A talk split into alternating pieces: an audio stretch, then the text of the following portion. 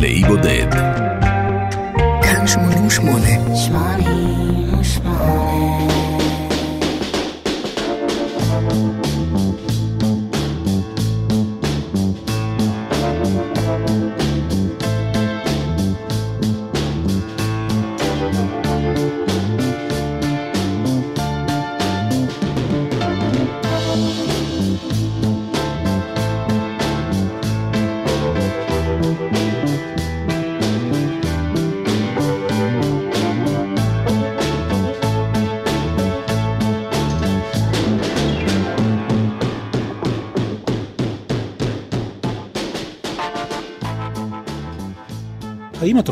אלבום לאי בודד מודעת לרחשי הציבור?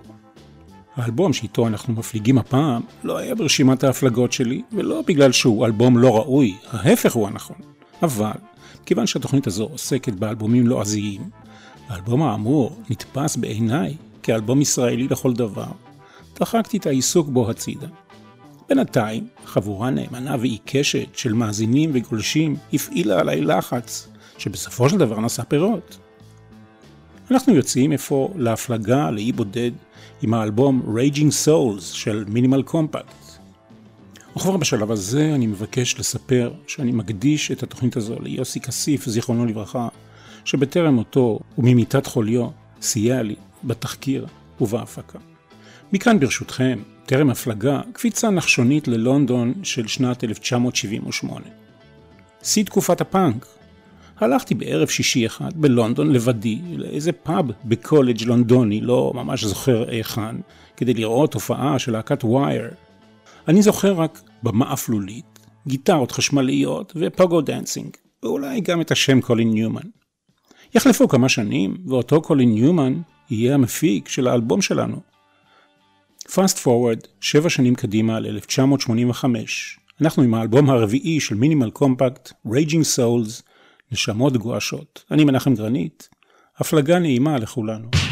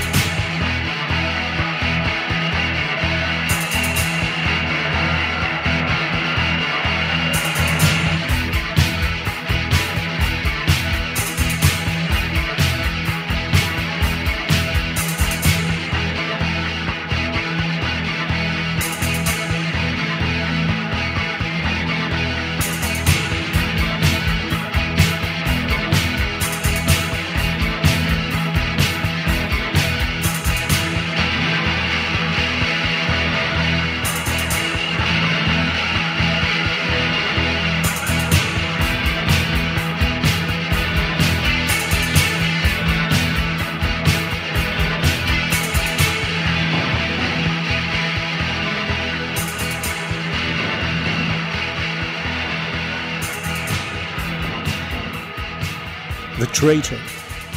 במהלך ההפלגה הזו תשמעו כאן רשמים שליקטתי מסמי בירנבך, מלכה שפיגל, ברי סחרוף ורמי פורטיס.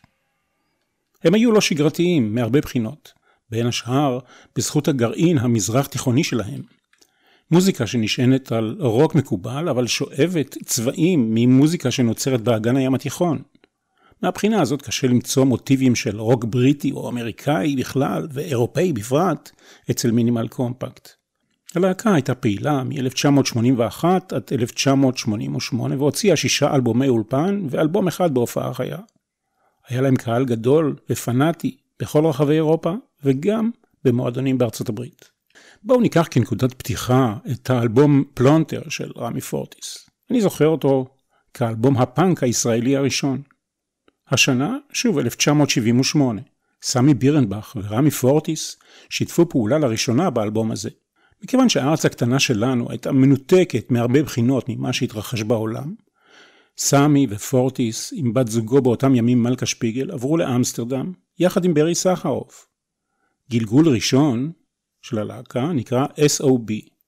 זה לא ראשי תיבות של מה שאתם חושבים, אלא Sons of Beethoven. ברי סחרוף. אה, מה שגרם אה, לי אה, לצאת לחו"ל זה... קודם כל אני יצאתי אחרי השירות הצבאי.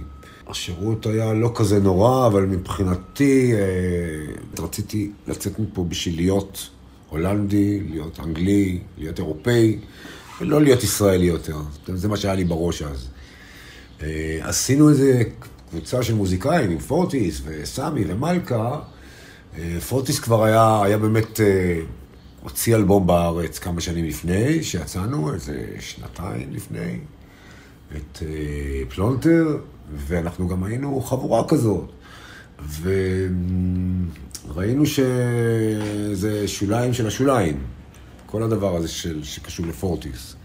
זאת אומרת, היו הופעות, ראינו, זאת אומרת, זה היה תמיד אותו קהל, וזה היה קהל מועט. בתקשורת נורא אהבה אותו, עשו על זה הרבה רעש, אבל מבחינת הקהל, וגם כמה שקנו את האלבום הזה, זה כישלון טוטאלי, זה היה השוליים של השוליים.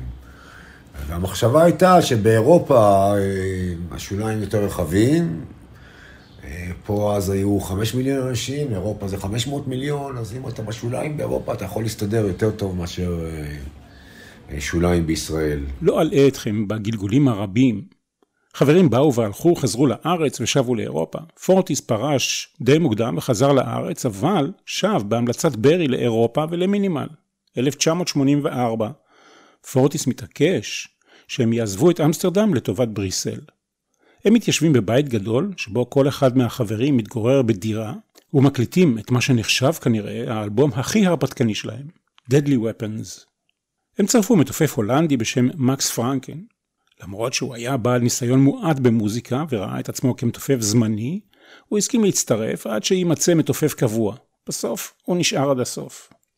את השם מינימל קומפקט הציע סמי בירנבך כביטוי לאווירה הביתית של הלהקה, שחבריה גרו ביחד, יצרו במשותף ופעלו בתנאים מינימליים. את השיר הבא כתבה מלכה שפיגל יחד עם סמי בירנבך. My Will. I can tell you how things should how to feel or who to see. I just watch your eyes full of sand, nowhere to crawl,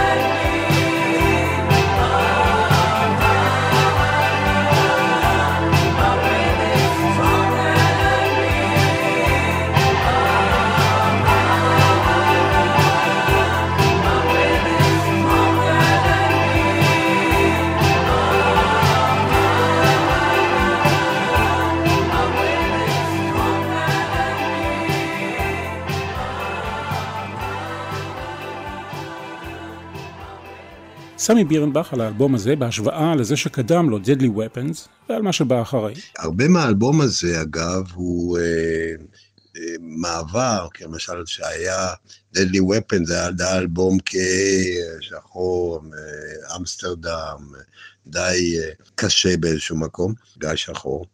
וזה אלבום רומנטי יותר בכלל, באופן כללי.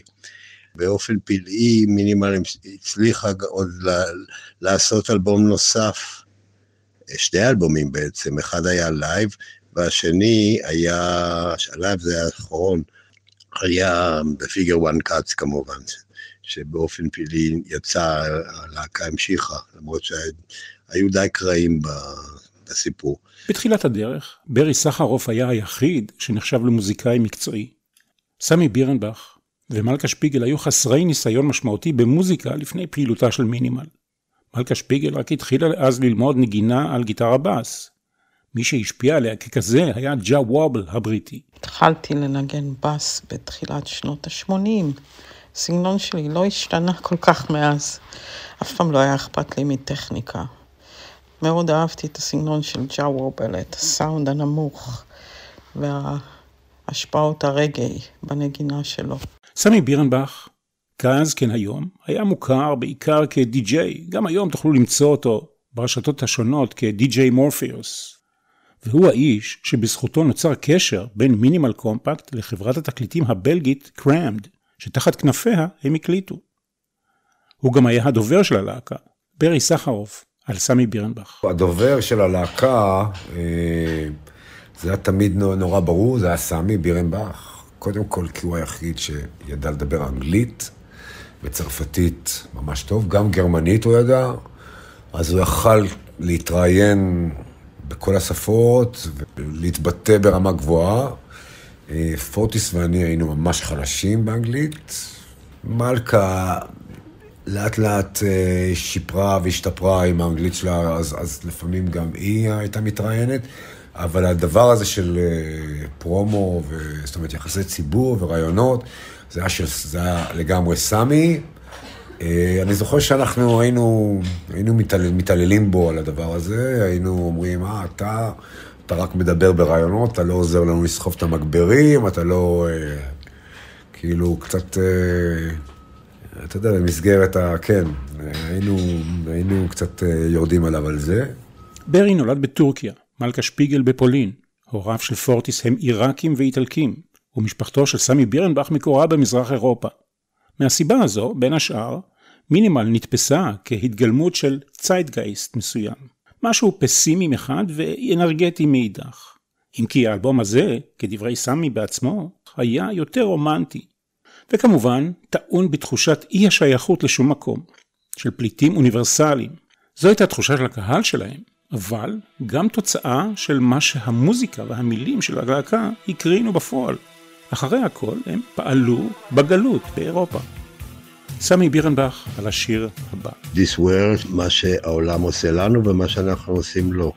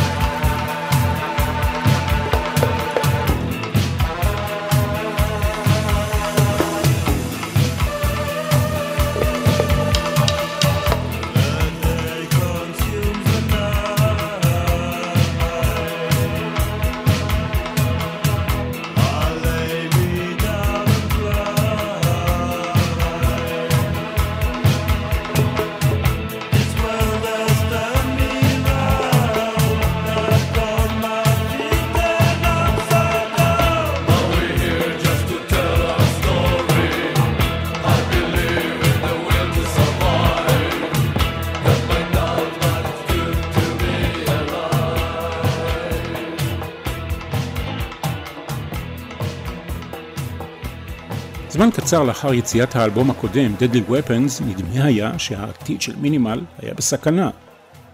ברי סחרוף סיפר בשעתו ליואב קוטנר: הייתי בחופשה אי שם במעשיהו, הסתבכתי בסמים.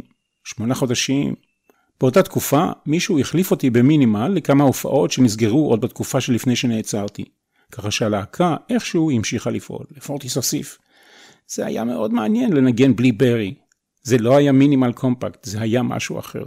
וברי סחרוף ממשיך. 1985 השתחררתי, נסענו לאירופה, הקלטנו את Raging Souls, נשמות גועשות, ואז, עוד לפני המיקסים, חזרנו לכאן. חיכיתי שאשתי תלד, ועבדנו על הפרויקט, מה שנקרא. הפרויקט, תוספת שלי, היה מיזם משותף של ברי ורמי, Foreign Affair. בעוד ברי סחרוף ורמי פורטיס כאן בארץ, את המיקסים והפיניש עשו סמי בירנבך ומלכה שפיגל באירופה. אבל בואו נלך צעד צעד, ניצמד ללוח הזמנים, לעובדות ולתחילת העבודה על האלבום הזה, Raging Souls. בחיפוש אחר המפיק הנכון, הם יצרו קשר עם קולין ניומן מלהקת ווייר, זה שהזכרתי קודם. הוא נענה להזמנה ובילה את הקיץ בבריסל בהקלטה ובמיקס של מה שיהפוך כאמור לאלבום המצליח ביותר מבחינה מסחרית של מינימל, Raging Souls. ברי סחרוף מספר. אה, קולין ניומן, כשהזמנו אותו, כש, כשהגענו אליו בשביל להפיק את, אה, את האלבום Raging Souls, אה, קודם כל, זה מוזיקאי שאנחנו הערצנו, אז הערצנו, זאת אומרת, בעיקר את הלהקה שלו, את ווייר. ווייר זה אחת הלהקות אה, שאני זוכר, בטח אני, בטח עם פורטיס ו... אה, ומלכה, שהתקופה הזאת של הגל החדש, סוף שנות ה-70, כשחשבנו על מפיקים, פנינו גם לקולין, כי הוא הפיק להקה וירג'ן פרונס. להקה, אני חושב, אירית, שמאוד אהבנו את ה... גם אהבנו את ההפקה ואת הלהקה ואת האלבום, אז, אז דרך זה פנינו אליו, וגם לשמחתנו הוא הסכים, הוא הסכים לעבוד איתנו. קולין אה, הוא בא באמת כמו מין אה, אה, אח, אח גדול. זאת אומרת, הוא היה איתנו בחדר חזרות, הוא העיר, הוא העיר הערות אה, על, על עיבודים קצת, אה, ואחרי זה ככה את כל, כל, כל, כל הניהול של, ה, של ההקלטות בא, באולפן. אה, אוקיי, בוא נקליט ככה, בוא נקליט ככה, הוא בא עם השיטה הזאת, משהו שהוא למד ממפיקים שהוא עבד איתם. אה, כל ההכפלות האלה, עשינו המון המון הכפלות, נגיד כל תפקיד גיטרה שניגנתי, הייתי מנגן פעם אחת, ואז מנגן אותו עוד פעם אה, עם אפקט כזה, ואז עוד פעם עם אפקט כזה, ואז עוד פעם עם סאונד יותר גבוה, זאת אומרת, היה שם כן משהו, כן קצת גישה של wall, wall of sound, קיר של, קיר של צלילים. מבחינתי זה היה, זה היה, בית ספר, בית ספר להפקה, העבודה עם אה, קולין. החיים, המציאות והמוזיקה מתערבבים בשלב הזה. מלכה שפיגל, שהייתה בת זוגו של פורטיס, מתאהבת בקולין ניומן במהלך ההקלטה. יש כאן משבר רגשי שאת תוצאותיו אפשר לשמוע בין השאר בשיר הבא. המילים והשירה של מלכה שפיגל. השיר הזה נכלל כעבור שנתיים בפסקול סרטו של וים ונדרס, Wings of Desire, אחד הסרטים העוצמתיים של שנות ה-80. כשכתבתי את המילים ל-When I Go, לא ידעתי שהשיר דיבר על משהו שהולך לקרות תוך כדי עשיית האלבום. מדהים גם שהשיר היה בסרט של וים ונדר, סרט מאוד מיוחד ואייקוני.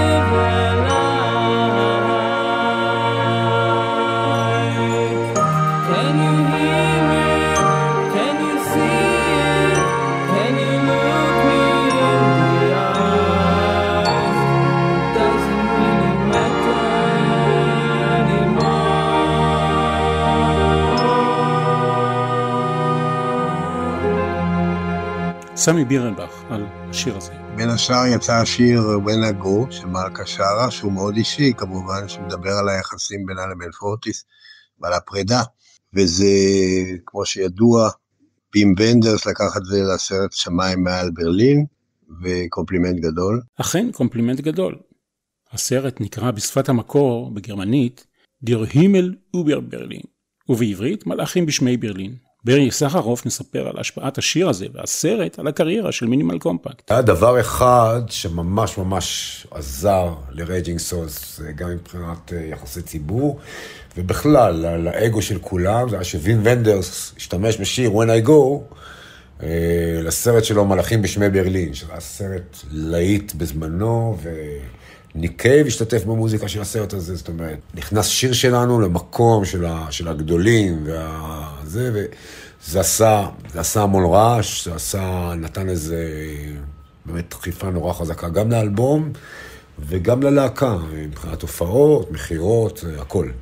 באחת הביקורות על האלבום הזה נכתב כך: הסאונד של הלהקה הפך רחב יותר והכתיבה זכתה לאיכות קלאסית, עם סדרה של שירים מעולים כמו Raging Souls, Autumn Leaves, When I Go, My Will ו-Returning Will, כולם ארוזים באותו אלבום, שכולל גם גיחה לכיוון של מוזיקה אלקטרונית, לריקודים, עם Shouts and Kisses, קטע אינסטרומנטלי שיחתום את התוכנית שלנו.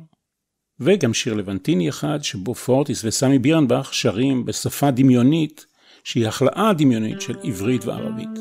גם האלבום הזה, כמו האלבום הקודם, התקבל בלהט על ידי קהל המעריצים ההולך וגדל של מינימל קומפקט.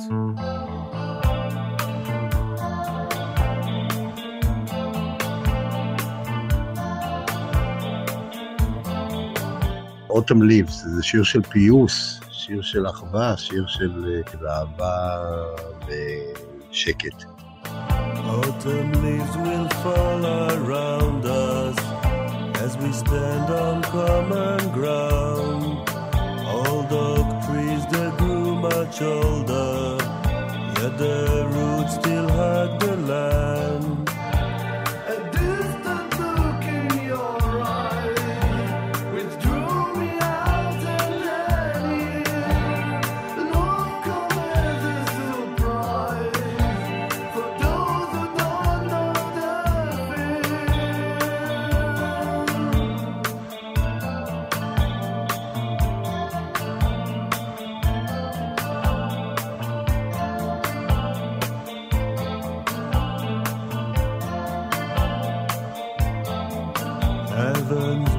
broken windows round us, colorless moon caress the sand. In the nick of time they'll find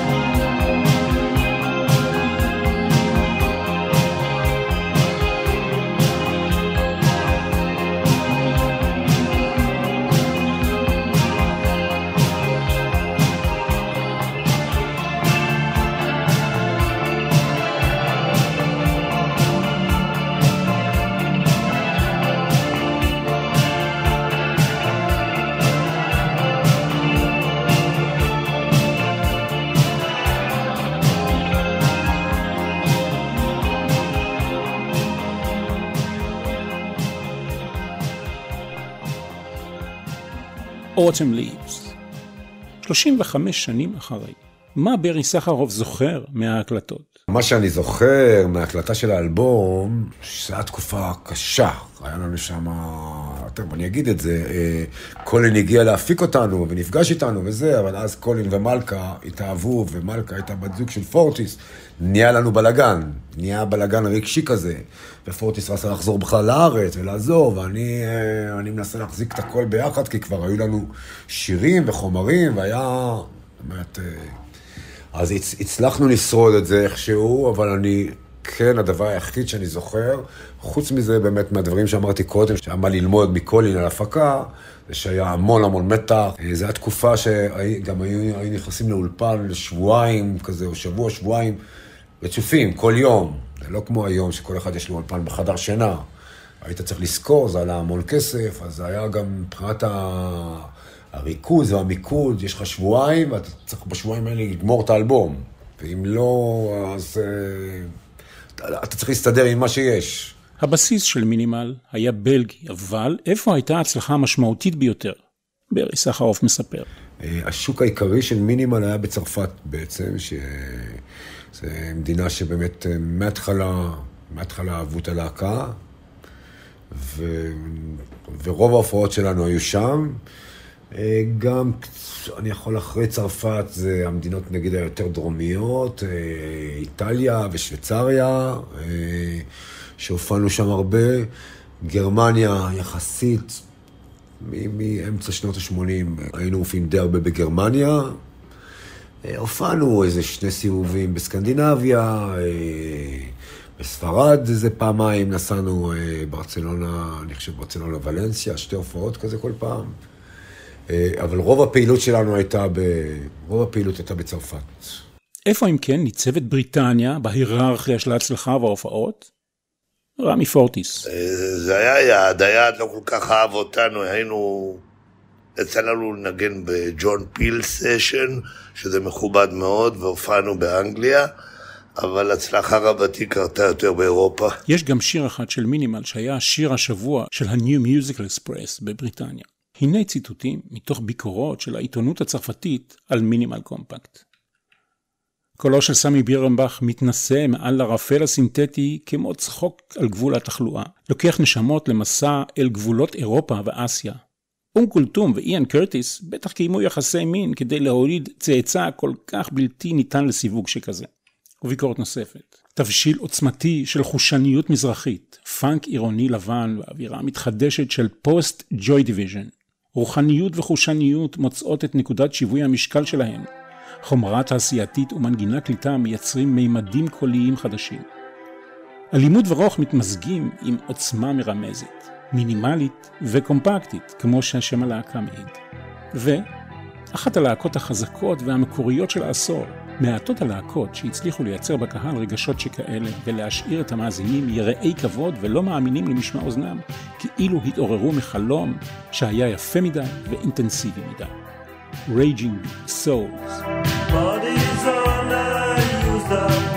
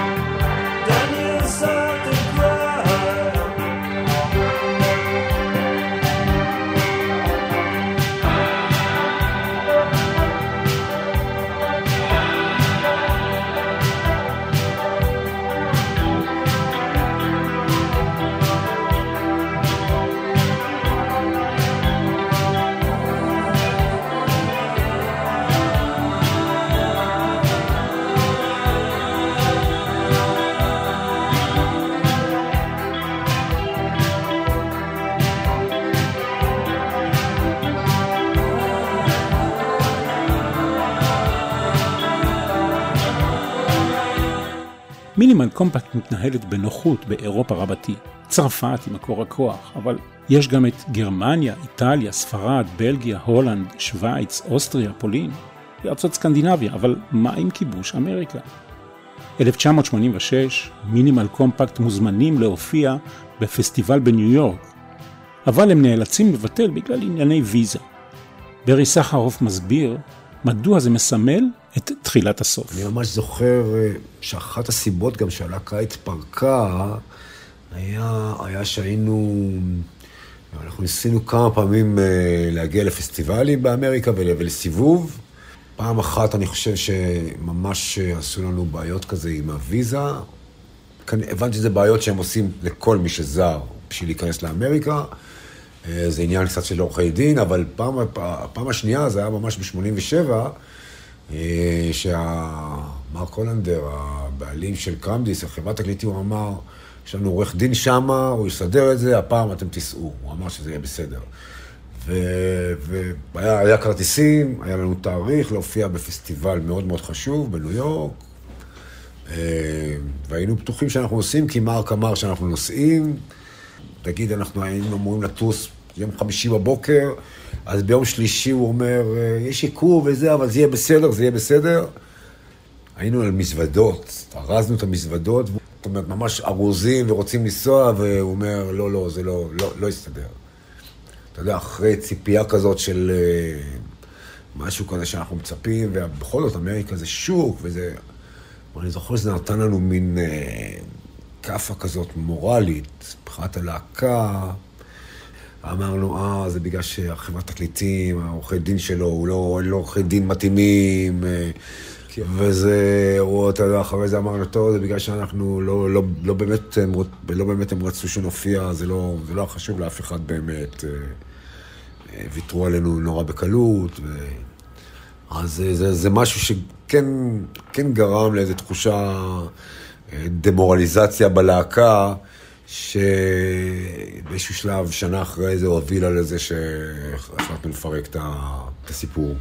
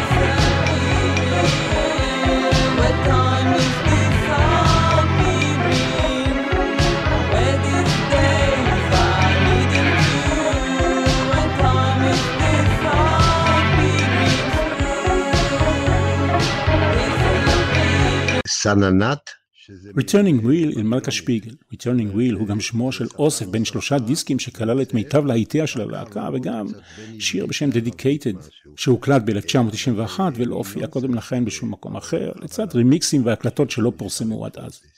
כל זה לכבוד אחד האיחודים של ההרכב המקורי ב-2003.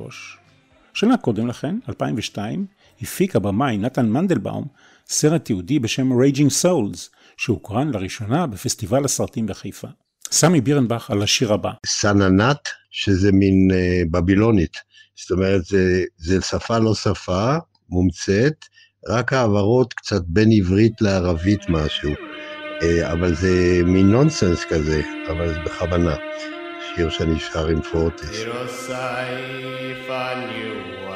Can listen in a rhyme.